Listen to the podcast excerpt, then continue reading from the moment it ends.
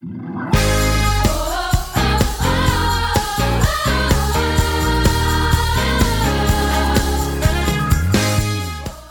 to the City Church International podcast. Each week we launch new teachings and preachings from our Sunday service. We hope it will encourage you in your relationship with Jesus and empower you in your everyday life.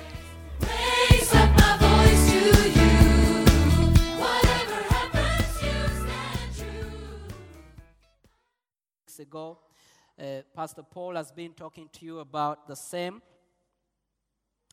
We want to build a strong church, the church that Jesus wants in Stockholm. So we want to know why we do what we do. We want to know why we have to belong to a local church. We don't want to do things because our forefathers did them. We want to do things out of understanding. We want to do things out of relationship with Jesus Christ. So we want to learn why we do what we do. So today I'm going to talk to you about why you should be part of a local church. Please write it down. Why should you be part of a local church? Write it down, please. Why should you be part of a local church? Why should you be part of a local church? Write it down. Why should you be part of a local church? Number one, you should be part of a local church because the Bible encourages us to be active in the local church. The Bible encourages us, Scripture encourages us to be part and to be active in a local church. Number one, we should be part of a local church because the Bible encourages us to be active in a local church. Please write it down. And uh, let's open our Bibles. Uh, let's go to Hebrews chapter 10, verse 23, and we shall read up to 25.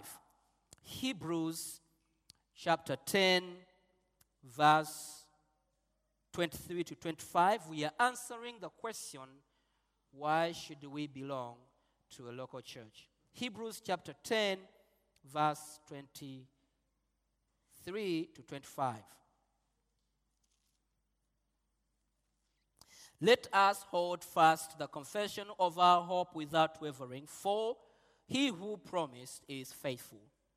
Verse 24 says, And let us consider one another in order to stir up love and good works. Verse 25, not forsaking the assembling of ourselves together. Did you note that? Not forsaking the assembling of ourselves. In other words, not forsaking fellowship, non stopping gathering, non stopping coming to church every Sunday, not forsaking the assembling of ourselves together, as is the manner of some. There are some people that have stopped. There are some people that do not attend fellowship. So the Bible encourages us to attend fellowship. And it says, but exalting one another, and so much the more as you see the day approaching.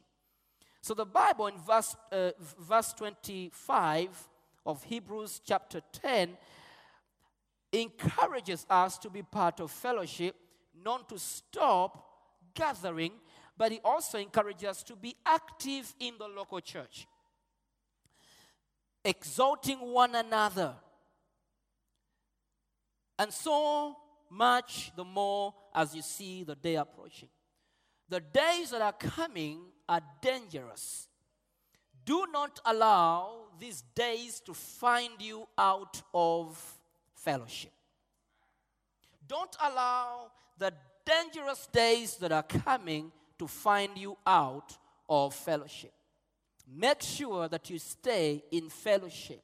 You stay in the local church. You need the church. You need the believers.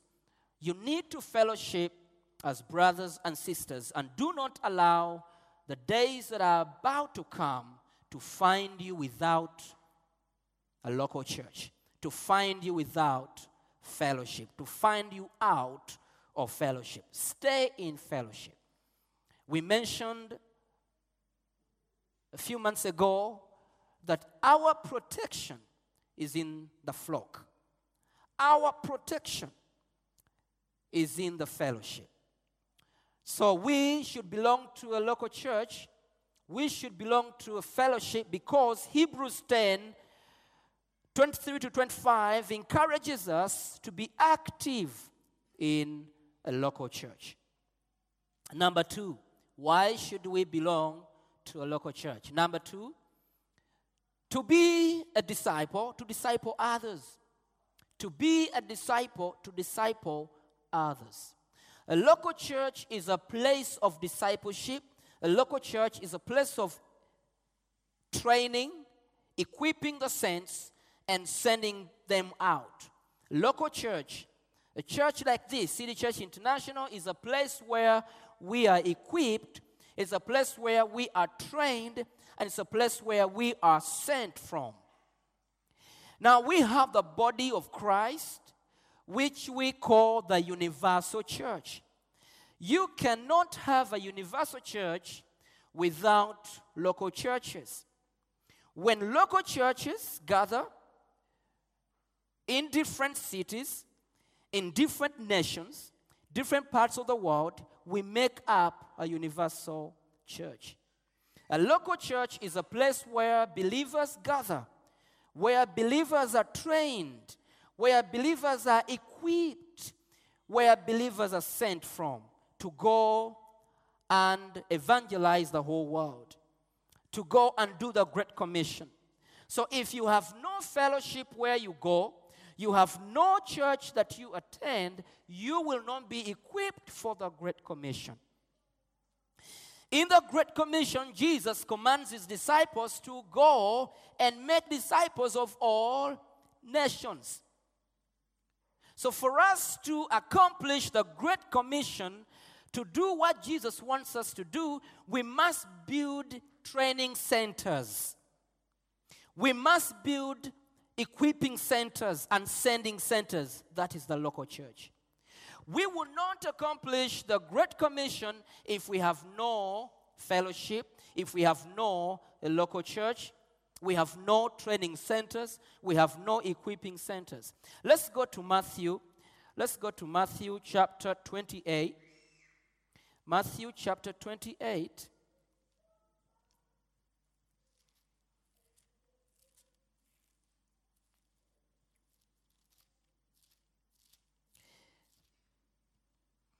Uh, let's read from verse 19. Let's begin from verse 18. And Jesus came and spoke to them, saying, All authority has been given to me in heaven and on earth. So Jesus was talking to his disciples. And uh, verse 19 says, Go therefore and make disciples of all the nations, baptizing them in the name of the Father and of the Son and of the Holy Spirit, teaching them to observe all things that I have commanded you.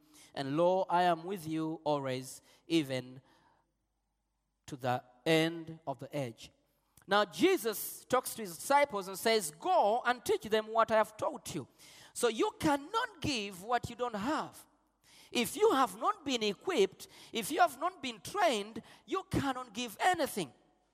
So, this is very important that for us to understand that a local church is very important for us. If we're gonna please Jesus and do what Jesus has asked us to do, we need to be equipped, we need to be trained. Remember, you cannot give what you don't have. Now, according to Ephesians chapter 4, verse 11 to verse 13, Jesus gave gifts to the local church to equip the local church members to do his work, to do ministry. Jesus has given all the equipments that you need to be equipped to the local church. He put these gifts, he put these equipments in the local church, not anywhere else, but in the local church. So if you're going to serve the Lord, serve Jesus, you cannot avoid the training center where He put all the equipments that you need. He has given gifts to the church so that the church can equip the saints to do the work of ministry. Let's go and see it in uh, Ephesians. Ephesians chapter 4. Ephesians chapter 4, verse 11. Ephesians chapter 4, verse 11. This is what the Bible says. And he himself gave some to be apostles, some prophets, some evangelists, and some pastors and teachers. Now, these are gifts he has given to the church. These gifts are in the church, in the local church. So, why did he give gifts to the local church? Why did he put these gifts to the local church? In the local church, sorry. Verse 12 For the equipping of the saints, for the work of what? Ministry. For the edifying of the body of Christ. So, for in order for you to be equipped and edified, to be ready for the work of the ministry, you have to be accountable to these gifts he has put in the church. You have to come under these people he has mentioned in the local church the apostles, prophets, evangelists, pastors, and teachers who are found in the local church. You have to come under them, be trained, be equipped for you to do the work of ministry. So you cannot be equipped out of church. You cannot be equipped out of a local church. And if we don't have enough people to equip in the local church, we lose the harvest. So, this is very important for us to understand. You have a call upon your life, you have a dream upon your life, and you have a vision as an individual, but you need to be equipped. You need to be trained. You need to be covered. You need to be blessed. And whatever you need for your growth, whatever you need to be effective, is in the local church. So you cannot run around out of fellowship and say, God has called me and I'm going to do ABCD and I'm, I have great visions and I have great dreams. I'm going to do things around the world and serve God without you sitting down first and be trained and be equipped in the local church. So, whatever you need to grow is in the local church, not out of fellowship, but in fellowship. So, ladies and gentlemen, I want to encourage you not to be a member on paper, but to be an active member. You cannot be a passive member, you have to be an active member. You have to calm down and you have to be equipped in the local church. Whatever you need to build your family is in the church. Whatever you need to build a strong business is in fellowship. Whatever you need to do great ministry around the world is in the local church. It's very important that we understand how significant the local church is. In 2 Timothy, in 2 Timothy uh, chapter 2, verse 2, Paul instructs his disciple Timothy to go and make other disciples, teaching them what he had taught them. Now, Timothy sat under Pastor Paul. Timothy sat down under, sat down under Apostle Paul. And now his pastor, after training him, after equipping him, he says, Timothy, I'm sending you now to go and teach what I have taught you. Now, how can you teach what you've not been taught? How can you give what you've not been given? So that's why you and I need to be part of a local church and be equipped so that we can be sent. Let's go and look at it in First Tim, uh, uh, Second Timothy. Sorry, Second Timothy, um, Second Timothy chapter two, verse two. Second Timothy chapter two, verse two. Let's begin from verse one. 2 Timothy chapter 2 verse 1, you that are for my son, be strong in the grace that is in Christ Jesus. Verse 2, and the things that you have heard from me among many witnesses, commit these to faithful men who will be able to teach others also. Praise God. So now, Pastor Paul speaks to his son Timothy and he says, Timothy, I have trained you, I have equipped you, you have heard me say these things, I have taught you, taught you a lot, and now you are ready to go and teach these same things to others. But listen, he says, take them to a local church. He says, Take these things, teach them to faithful men. Who are faithful men? Faithful men are found in fellowship, in the local church, committed men. So you don't go and take these things to people that are not committed, people that will not value them. Take them to people that will sit under you, faithful men, able men. So Timothy is released from a local church or from a Bible school or from a training center, an equipping center, and this pastor says, Take these very things that I have taught you, but please make sure you give them to faithful men, committed men, not everybody that is running around up and down saying, I have a vision, I have a dream. Don't just throw these important things to people that will not take them seriously. So Paul says to his son, make sure you have people sitting down listening to you, committed in a group, in a fellowship, in a training center, and please train them, tell them the things that I have taught you. So able men, faithful men, able women, faithful women are in the local church. Not people that are running around, switching churches from one church to the other. I didn't like what the pastor preached today, so I go to the other church. And then they go to that church, and they don't like the music, and they don't like the, the sound, and then they don't like the ashes, and then they find another church. No, no, you need to find people that know who they are. You need to find people that are ready to be committed, people that are teachable, and people that are available, and people that are faithful. Number three, why do we belong to a local church? Why should we belong to a local church? Number three, for fellowship. For fellowship. Biblical fellowship is sharing with someone in something. Fellowship is such an important thing. We all need to be part of fellowship. But there are so many types of fellowships, associations, and groups of people. But now we are talking about biblical fellowship, scripture fellowship. Biblical fellowship is sharing with someone in something. So that means you cannot be passive. You have to participate. There is something in common that we have to share. That is fellowship. When we meet, we share something with somebody. You cannot be passive. You have to be active. For you to receive every blessing that God has put in the fellowship.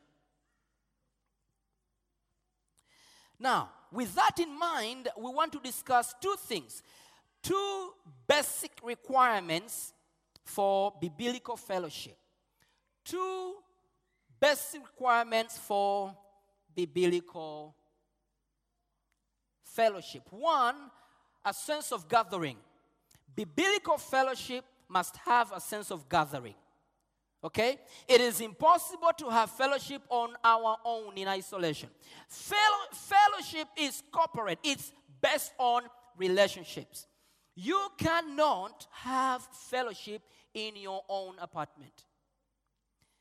On TV, watching the most popular preacher in, on Sunday morning and say, I have fellowship on TV. I have my pastor on TV. You cannot have, we don't have online pastoring. There is no online pastoring. That man is my pastor. Where does he live? hundreds and hundreds of miles away from you. So you cannot, you have to have a sense of gathering. That's why Sunday service is such an important meeting. This is the day where believers all over the world gather in local churches and make up a universal church. So we still have members of a church today who stay home and go on internet. Praise God for all these resources we have and, and all messages we have on internet and on TV. Thank God for radio and thank God for television stations, you know. They bless us so much. But you will never have fellowship on TV. Fellowship happens in a local church in this setting. That's when we come and we break bread. We have Holy Communion. We pray like the old church, I mean, the early church. They prayed, they read the word, they studied the word, and they broke bread. So tell me, how are you going to have Holy Communion on TV, Holy Communion on the internet? Now, where are you going to, how are you going to hold hands? Because the Bible says, where two or three are gathered in my name, I'm there. You're going to miss that aspect of fellowship. Jesus is waiting for your brother and your sister and every one of you coming together so that he can come in your midst. Participation in fellowship cannot take place in your apartment, in your house, on TV and internet, on your computer. So you need to have a local church. You need to belong to a local church. I have a young man from uh, Singapore. He's now in Bible school. He began writing to me. You know, he's been in some of the conferences where I have gone to minister, and he, he likes me. And uh, so he listens to me on the internet and he, he, he writes to me. He asks for my notes. He says, Mentor me, please be my pastor. At first, I didn't want to really break his heart. I wanted to be nice to him, but I knew what he was doing was wrong. Until time came and I said, No, I cannot do this anymore. I wrote to him and said, I'm sorry, I cannot be your pastor. I'm not your pastor. I live in Sweden, you live in Singapore. How can I be your pastor? I can be your friend. I can help you. Ask me questions, I'll answer you, but find a church, find a pastor who will take care of you because I cannot be your pastor. We are far away from each other. He didn't have any church, but he was a born again Christian. He listened to me, and today he's in Bible school. He's doing Bible school. He has a local church, and he's so happy. And we're still friends. We still communicate. This is we need to tell the truth. You cannot be pastored by a great evangelist on TV. You have to be part of a local church, and you need a pastor who will take care of you. You need church leaders who will take care of you. You can read books, you can watch them on TV, you can listen to preachers on TV, internet, it's okay. But you need to have a local fellowship where you go and be part of breaking of bread. And you cannot be a member on paper. You have to be a member in action and participate in what God is doing in the local church. Amen? Number two, two basic requirements for scripture fellowship. Number two, there must be a common purpose. There must be a common purpose. Okay? There must be a common purpose. You should not be part of purposeless fellowship.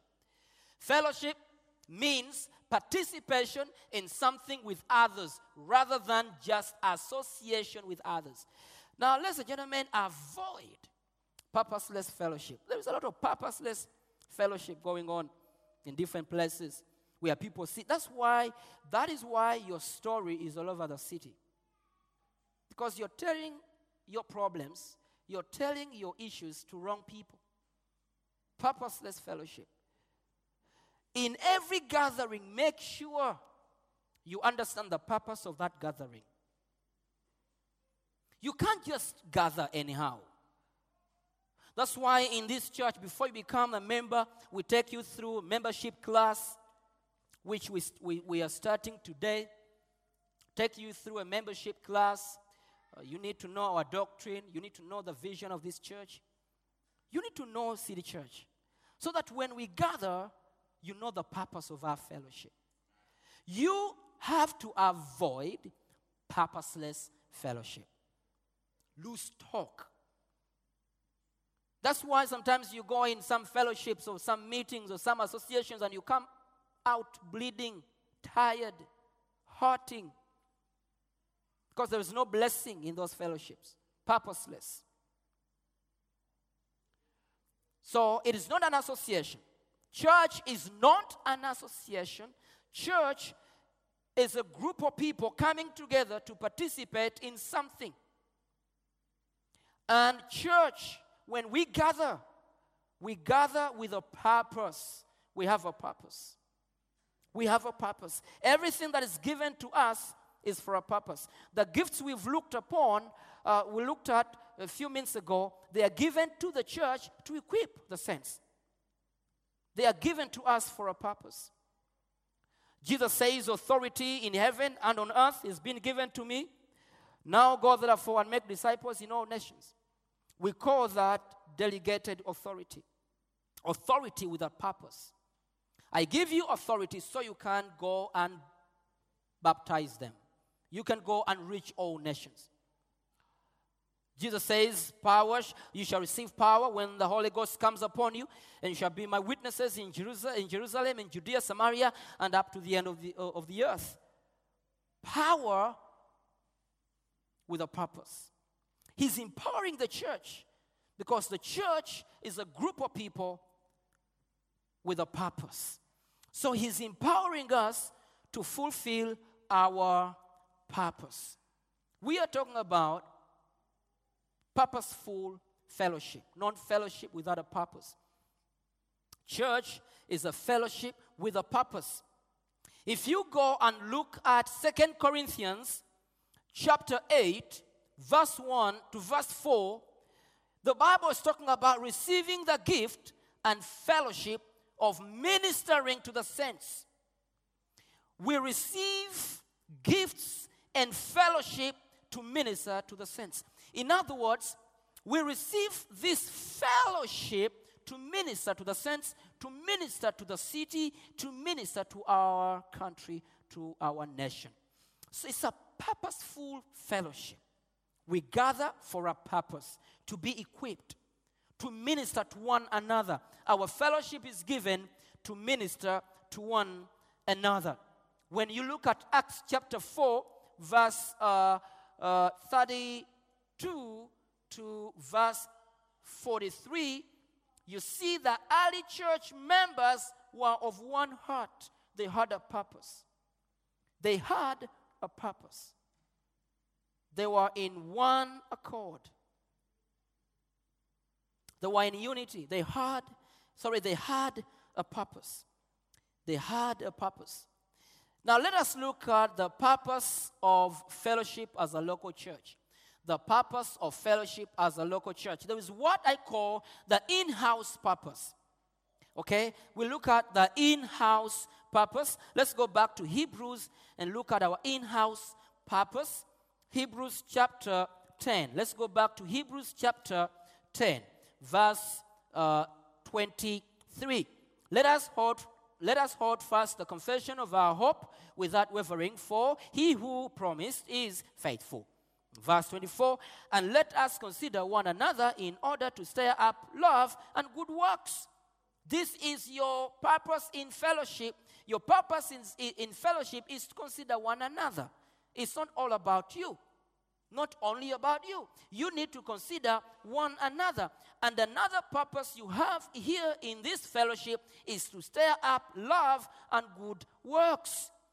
Stir up love and good works. Teach others to love, help others to do good works.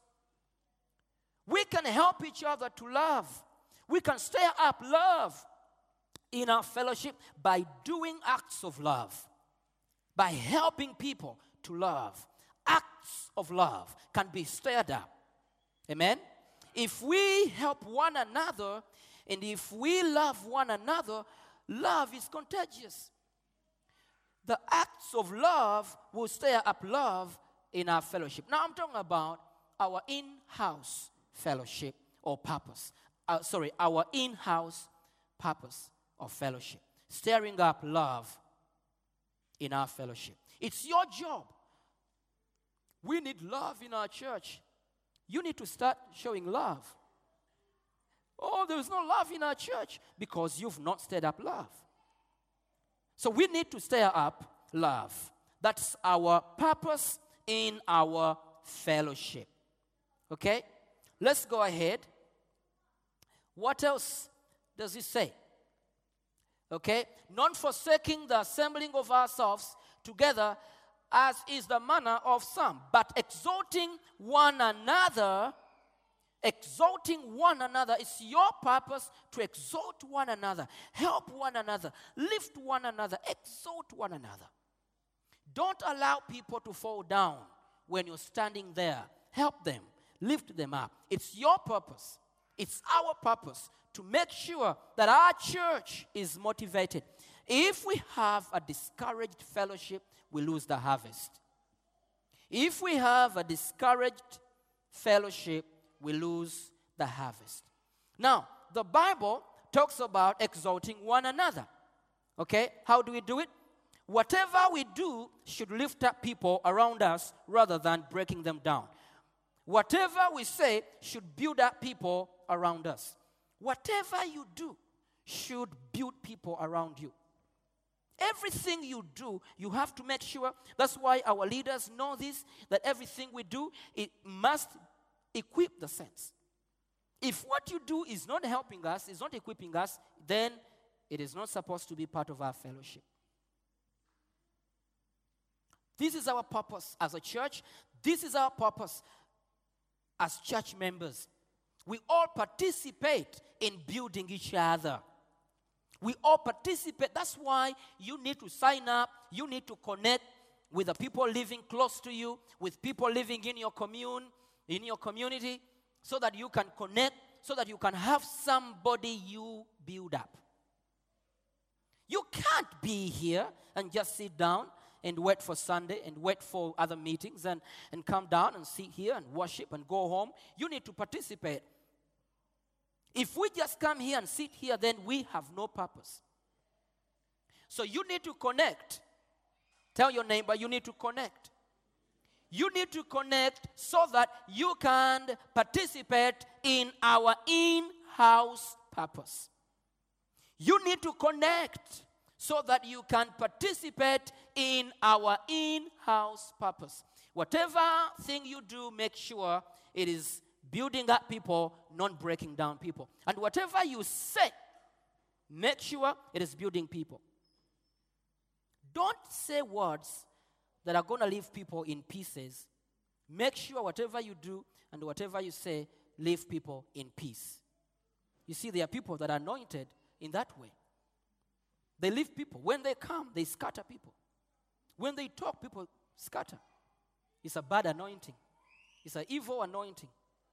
But we need to get the anointing of Jesus Christ, gathering people, showing mercy and grace, building up people, encouraging people.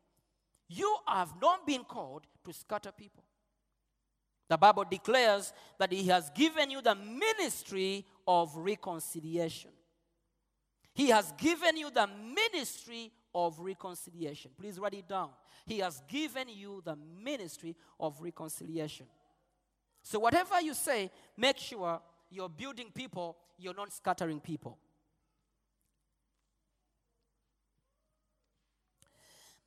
Ephesians chapter 4, uh, Ephesians chapter 4, verse 29.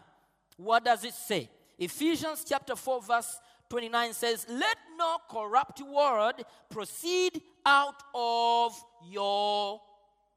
Come on, people. Because your tongue has received the power of life and death. So make sure that whatever you say brings life, not death. Let no corrupt word. This is an, this is an instruction given to church members. In our fellowship, nobody is allowed to bring out corrupt words out of your mouth. If you feel like it's coming, zip up. If you feel like it's coming, speak in tongues. Don't say it, speak in tongues. Don't say any corrupt word. Leave people in peace. Don't leave people in pieces. Okay? But whatever is good for necessary edification, that it may impart grace to the hearers. Now, I want to teach you something that I have practiced for years. Before you talk, ask yourself, why am I talking? Don't just open your mouth. Ask yourself, why am I talking? Yeah, clap your hands for that. Yeah. I, I, I made a good point there. I, I did. oh my God. Have mercy, Lord. Some people just don't care. They open their mouth and they talk and da, da, da, da, da.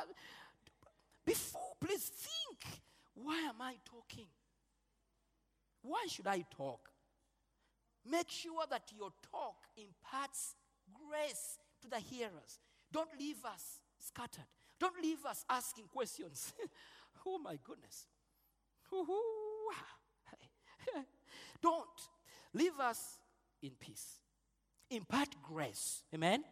Don't you open your mouth if you don't know what to say. You know, some of you or some of us, we think everywhere we go we have to say something. In every meeting, you have to say something.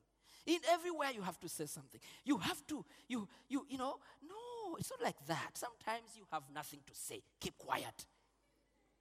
And you need to accept this truth. Sometimes you are confused. So when you're confused, don't advise.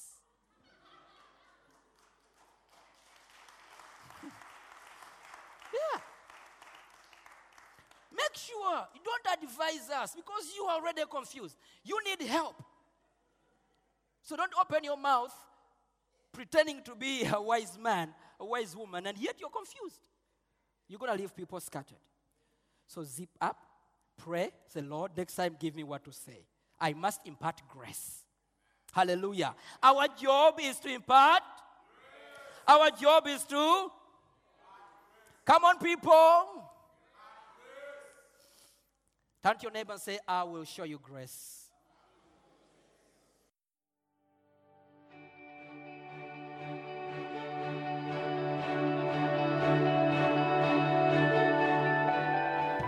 Thank you for listening. If you're in the Stockholm area, feel free to join us at our international services every Sunday at 2 pm at Adolf Fredriks Kyrkogata 10. If you'd like to know more about Jesus or for any other information, please do visit us at ccistockholm.se.